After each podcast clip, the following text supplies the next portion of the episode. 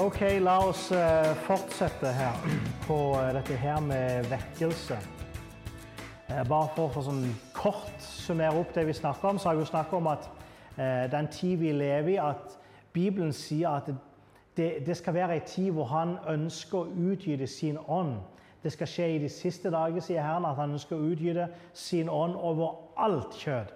Så vi har gode, sikre profetiske ord om at den tida vi lever i, at, eh, at det er vekkelsestider.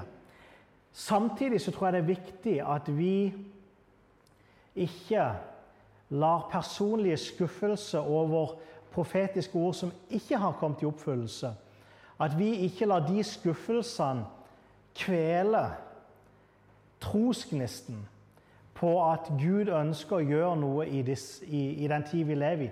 Og jeg tror òg det er veldig viktig å være oppmerksom på at Gud gjør faktisk fantastiske ting i den tid vi lever i. Det, det er mange ting, jeg, virkelig vekkelsesting, som skjer.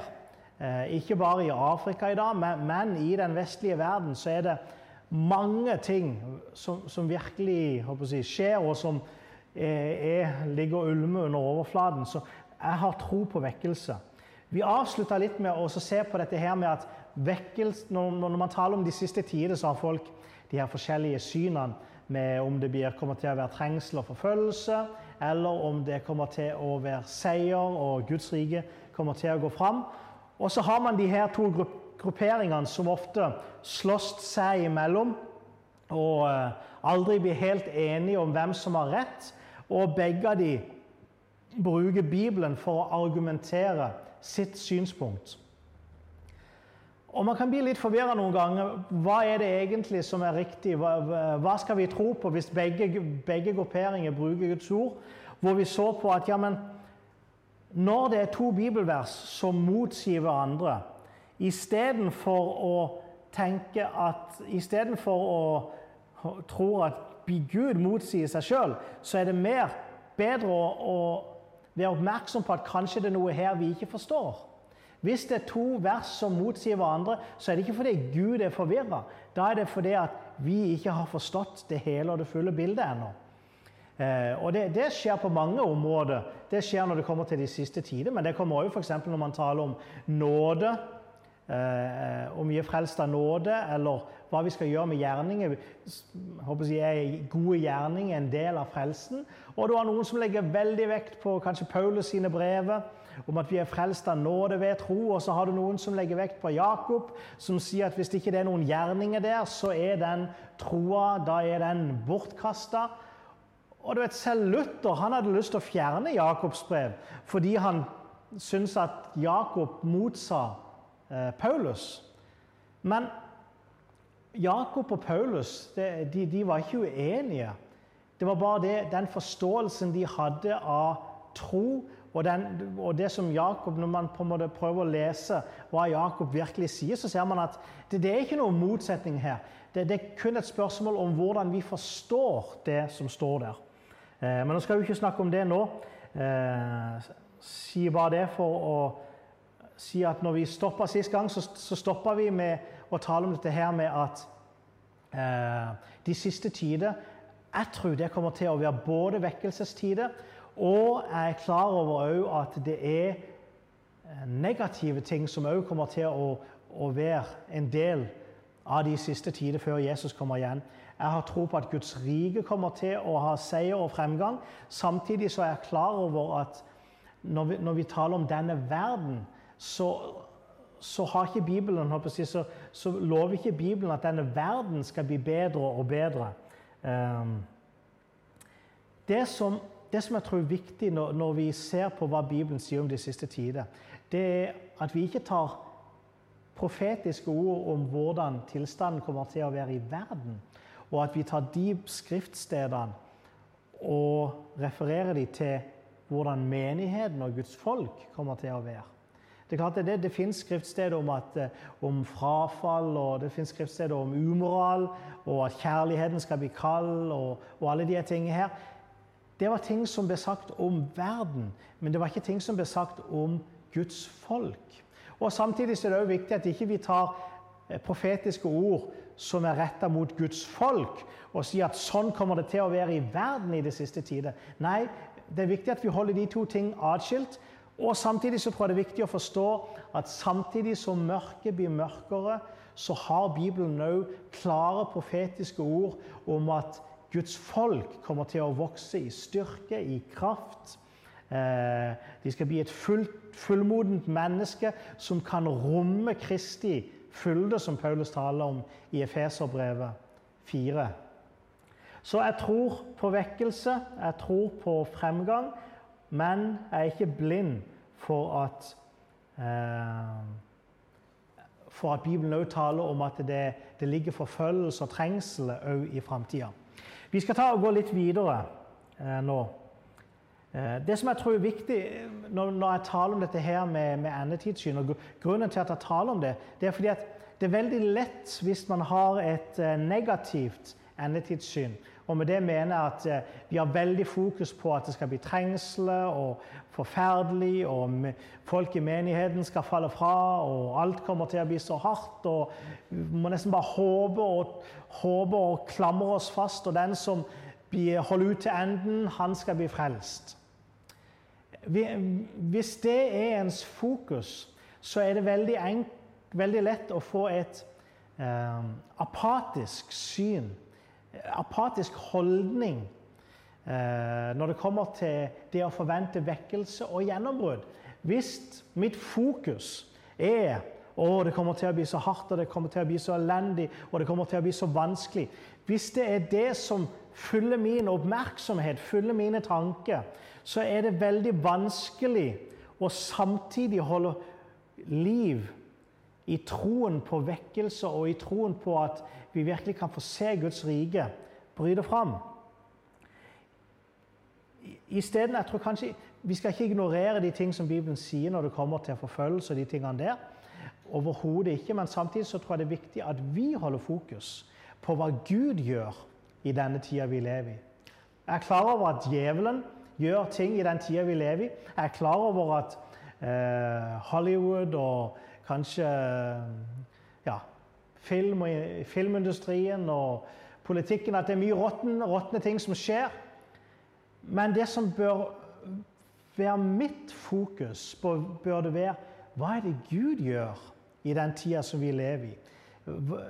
Istedenfor å være fascinert eller oppslukt av det djevelen gjør, la oss heller være fokusert på hva Gud gjør. Fordi Gud han, også, han gjør òg mange ting.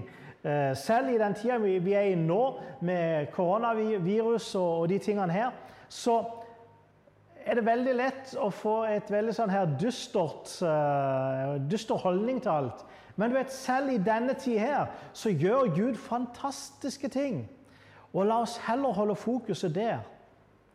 uh, sånn at vi kan holde den gnisten. Og grunnen til at jeg tror det er viktig, det er fordi at det er nemlig sånn når det kommer til, til det profetiske ord, at Jeg vil ikke si at vi kan diktere hva Gud gjør. Det, det tror jeg absolutt ikke. Når Gud har sagt noe, så kommer Gud til å gjøre det. Eh, uten tvil. Men samtidig så er det et element hvor, hvor vi kan ha innflytelse på hvordan, hvor, hvor sterkt gjennombruddet blir. Vi kan ha innflytelse på hvor fort gjennombruddet kommer. Vi, vi spiller en rolle, vi har innflytelse når det kommer til oppfyllelsen av det profetiske ordet. Jeg er godt klar over at kanskje for noen så høres det veldig merkelig at vi skal ha innflytelse på, si, på det profetiske ord. Og når jeg sier det, så mener jeg på ingen måte at vi kan diktere Gud, eller at vi kan bestemme hva Gud skal gjøre, i den forstand at uh, vi kan gjøre det i vår egen kraft. Men samtidig så er det veldig tydelig i Bibelen at når Gud gjør noe her på jorda, så ønsker han å involvere oss. Han ønsker å involvere mennesket i det han gjør. Et veldig godt eksempel på dette er Daniel. Du vet, Daniel han ble jo bortført til Babylon som en liten gutt. Eh, og det var, Profeten hadde talt at eh, Israels folk skulle være i fangenskap i 70 år. Og etter disse 70 år så skulle de vende tilbake igjen. Og Daniel han var en gudfryktig mann som studerte Skriften.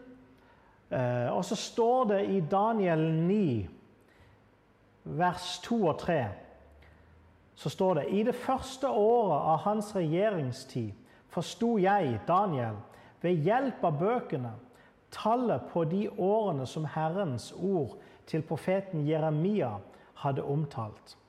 Han ville la det gå hele 70 år etter at Jerusalem lå i ruiner.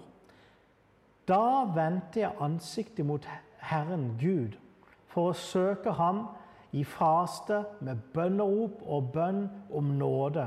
Jeg var kledd i sekkestrie og aske. Det som er interessant å legge merke til her, det er at Daniel han sitter og leser Jeremias. Han sitter og leser Guds ord, og han legger merke til at det er et profetisk ord som sier at det skal gå 70 år før Israels folk kan vende tilbake igjen. Og Han begynner å regne på dagene. Han visste han var en ung mann når, når de ble bortført. Og, begynner, og, plutselig så går det opp for han.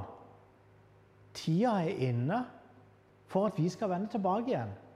Du vet, Hvis Daniel hadde vært som veldig mange kristne i dag, så hadde han kanskje satt seg ned i sofaen og sagt å det er fantastisk, Gud, det har kommet et profetisk ord om at uh, Israels folk skal vende tilbake igjen. Gud har talt. La oss bare juble og glede oss og sitte ned og slappe av, fordi at når Gud har talt, så kommer det til å skje. Men det er ikke det Daniel gjør. Det som er interessant, er at når Daniel la merke til dette, så står det at da vendte jeg ansiktet mot Herren for å søke ham i faste med bønnerop og bønn om nåde. Jeg var kledd i sekkestrie og aske. Daniel han, han, går inn for Gud og han begynner å be. og Det er ikke bare ei lettsindig bønn om at ja, takk Gud for ditt ord. Takk at du har lovt at vi skal komme tilbake igjen. Det er fantastisk, og halleluja og amen. Nei, vi ser at det han gjør Han begynner å faste. Han går inn i intens bønn, omvendelse til Gud. Han søker Gud. Hvorfor? Mange kristne i dag hadde kanskje sagt til Daniel ja, men Daniel, slapp av, Gud har jo talt. Nå kan vi bare vente. Men Daniel forsto at når Gud ønsker å gjøre noe her i denne verden, så ønsker han å involvere oss i det han gjør. Så Daniel, istedenfor å sette seg ned og bare tenker Nå, ja, men det var da godt. Så forstår han at hvis det er det profetiske ord, så forsto Daniel at da har jeg en jobb å gjøre. Jeg må be jeg må søke, jeg må søke Gud. Du vet, Veldig ofte når det har vært profetiske ord over Norge, så er det mange kristne som har tenkt å halleluja, ja, men det er jo fantastisk. Vekkelsen kommer. ja, men det er det godt, Da kan vi bare glede oss. Det vi kanskje heller skulle ha gjort, er at hvis det kom et profetisk ord, så skulle vi ha våga over det profetiske ord i bønn, i faste, i omvendelse, søke Gud, være innenfor Guds ansikt. Og forstått at hvis dette var et profetisk ord fra Gud, hvis vi trodde at dette virkelig var et ord fra Gud, så hadde vi en jobb å gjøre når det kom til oppfyllelsen av det ordet. Det betyr ikke at vi kunne diktere det, men det betyr at Gud ønsker å involvere oss. og Derfor åpenbarte han sin vilje gjennom sitt profetiske ord for å invitere oss til å være med og gjøre vår del for at den vekkelse som han ønsker skal skje i Norge, skal skje. Veldig mange kristne de sitter apatisk på gjerdet, kanskje såra og skuffa over ord som ikke har kommet i oppfyllelse. Og de sitter der år etter år, og så forstår de ikke at grunnen til at det ikke skjer, det er pga. deres apatiske holdning, pga. at de har misforstått at når Gud kom med et profetisk ord, så var ikke det et løfte om at du kan gjøre hva enn du vil, og jeg kommer til å gjøre det. Nei, så var det en invitasjon fra Guds side om at vi skulle gjøre vår del. Han åpenbarte hva han ønsket å gjøre. Og så var det opp til oss å ta det profetiske ord og løpe med det profetiske ord og søke Gud for oppfyllelsen av det profetiske ord. I 2. Peters brev 3, 11-13, så sier Peter Her taler Peter òg om de siste tider, og så sier han Derfor, siden alt dette skal gå i oppløsning, hvor mye mer bør, det, bør da dere ikke holde ved eh, i en hellig ferd og gudsfrykt, mens dere venter på og fremskynder Guds dags komme? På den dagen skal himmelen fortæres av ild. Elementene skal smelte med brennende hete. Men etter hans løfte ser vi fram til en ny himmel og en ny jord der rettferdighet bor. La du merke til noe der? Han, sier, han, han, begynner med å si at siden alt dette skal skje, skal gå i oppløsning, så han sier at dette er noe som er bestemt. Og så sier han hvor mye mer bør dere da ikke holde ved i en hellig ferd og i Guds frykt? Og så sier han mens dere venter på og fremskynder Guds dag komme. Fremskynder Guds dags komme. Kan vi fremskynde Guds dags komme? Ja, ifølge Peter så kan vi det. Ifølge han, det, det, det, er klart det er ting som Gud har fastsatt, som kommer til å skje om vi vil eller ei. Og du kan be så mye du vil om at Jesus ikke skal komme igjen, men Jesus kommer til å komme igjen. Den sak er fastsatt. Men det Peter sier her, det er at vi kan være med og fremskynde Herrens dag. Gud, Jesus har gitt oss et oppdrag, han har gitt oss et kall. Og hvor fort han kommer igjen, det har litt å gjøre med hvor fort vi kan få utført det oppdrag som han har kalt oss til å gjøre. Vi har, vi mennesker, vi har innflytelse når det kommer til oppfyllelsen av det profetiske ord. Profeti er ikke bare er ikke en sånn at Gud sier eh, 'sånn vil jeg gjøre', og så skjer det helt uavhengig av vår respons. Et godt eksempel er eh, Jonas og Ninive. Jonas, Gud ba Jonas om å gå til Ninive og forkynne og si at deres ondskap hadde steget opp for ham. Med andre ord at uh, fire and brimstone is coming. Altså, han forsto at dette her var ikke et positivt budskap. Så gjør Jonas det at han flykter ifra Gud. Og når Gud endelig får han til Ninive, så forkynner Jonas sitt budskap. Og så går han opp på en bakketopp, og så sitter han der og venter. Jonas han var egentlig litt interessert i at Gud skulle dømme Ninive. Fordi at Ninive de var bitre fiender til Israel. Så Jonas han, han sitter og venter nå på at Gud skal jeg, komme med ild og svovel over Ninive. Men så skjer det at Ninive de omvender seg. De kler seg i sekk og aske, og de, de, de, de omvender seg til Gud. Og så skjer jo det at Gud da faktisk gir dem nåde. Og hvis du leser slutten av Jonas' bok, så, så ser du at Jonas var godt klar over det. Så han, var, han, visste at når han ble sendt til Ninive, så var det en liten sjanse for at kanskje hvis de tok imot det budskapet, at de ville bli benåda.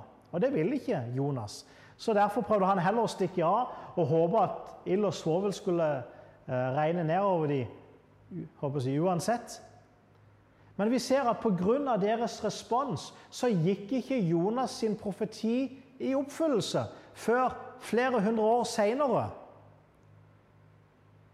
Så pga. at de omvendte seg, så ble dommen utsatt. Hisekia, kong Hisekia i 2. kongebok 20 han får et budskap om at han skal dø, og han venner seg til Gud. Og Gud sier OK, du får 15 år til. Så med andre ord Hvis Hisekia hadde bare sagt 'Å, det er forferdelig, jeg kommer til å dø', så hadde han dødd, sånn som profeten hadde sagt. Men fordi at Hisekia vendte seg til Gud, så ble jeg, den dom, den død, den ble framskundet 15 år. Sånn at det gikk 15 år før han endelig jeg, Endelig, det blir kanskje feil å si. Men han døde 15 år seinere fordi at han hadde innflytelse på det profetiske ord som kom. I Lukas 18, og vi skal ta også, eh, jeg, avslutte med dette I Lukas 18 så forteller Jesus en lignelse om at de alltid skal be og være utholdende i bønn. Og så avslutter Jesus denne undervisninga, man kan si det sånn. Han avslutter denne her historien i Lukas 18, vers 8 med å si Men når menneskesønnen kommer, vil han da finne troen på jorden? Men når menneskesønnen kommer, vil han da finne troen på jorden? Med andre ord så hadde Jesus et håp om at når han kommer igjen, så skulle det ikke være en tafatt, nederlagsstemt, eh, nest, nesten utdøende flokk igjen. Nei, det han håpte, var at når han kom igjen, så skulle, så skulle han finne et trosfolk. Og Når du leser det Jesus underviser om bønn i Lukas 18, så forstår vi at den tro han snakker om her, det var ikke en apatisk eh, Guds vilje skjer. Det Gud vil, det skjer. Eh, uansett, så jeg kan like godt bare sette meg ned og ja, det som skjer, det skjer. Nei, vi forstår denne, denne enka som Jesus talte om i Lukas 18. Eh, hun hadde pågangsmot. Hun godtok ikke nei som et svar. Hun visste hva sin rettighet var, og hun sto på sin rettighet for å se det gjennomført, det, det som hun søkte jeg, for å få hennes bønnesvar. Og Jesus har en drøm. Han sier når menneskesønnen kommer Det er nærmest som han sukker og sier jeg håper at jeg finner den troa på jorda når jeg kommer igjen. Um, det er mange andre ting som jeg kunne ha sagt om dette. her, og uh, Jeg kunne jo ha nevnt mange eksempler på hvordan faktisk de tidene som vi lever i nå, bokstavelig talt er vekkelsestider.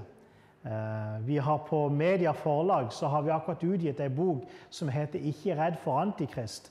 I et av de siste kapitlene i den boka så, så deler dr. Brown eh, så deler han litt om de ting som skjer i verden i dag, som virkelig får oss til å forstå at Guds rike er ikke på tilbakemarsj i verden i dag. Faktisk så er Guds rike eh, på fremmarsj i dag.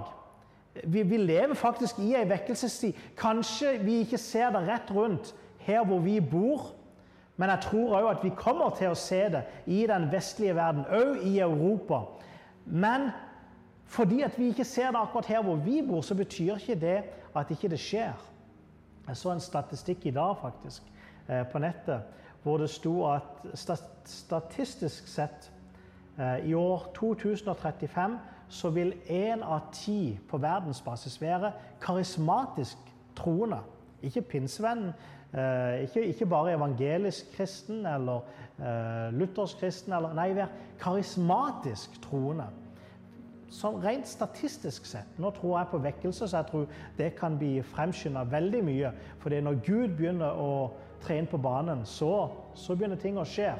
Men, men det som jeg ønsker å bare formidle, det er ei tro på at Gud ønsker å gjøre noe i den tid vi lever i. Og ikke mist motet. Ikke, ikke, la personlige skuffelser kvele gnisten. Habakuk 2,14 sier at for, hele jorden, for hele jorden skal fylles med kunnskap om Herrens herlighet, slik vannene dekker havdypet. Det er det Gud ønsker å gjøre i den tida vi lever i. Vi lever i ei tid hvor vi har Guds løfte om at han ønsker å utgyte sin ånd. La oss ikke bare ta det løftet og sitte apatisk og vente på at det skal skje, men la oss være som Daniel, som forsto at når Gud har gitt et løfte, når han har talt profetisk, så er det en invitasjon til oss om å være med og gjøre vår del i å se Hans rike bryte igjennom. Det er derfor vi ber Komme ditt rike, skje din vilje. Hvorfor ber vi det hvis det vil skje uansett? Nei, det er fordi at Gud ønsker å involvere oss i det han gjør i denne tid. Så jeg håper at du har en lengsel og en drøm i ditt hjerte, og at du ikke vil tillate djevelen å kvele troen på vekkelse i det siste tider. Selv om ja, vi vet det har vært mange profetiske ord, og kanskje ikke alle de har vært for Gud, så forandrer ikke det på Bibelens profetier om at den tid vi lever i, er ei tid hvor Gud ønsker å utgyte av sin ånd. Amen.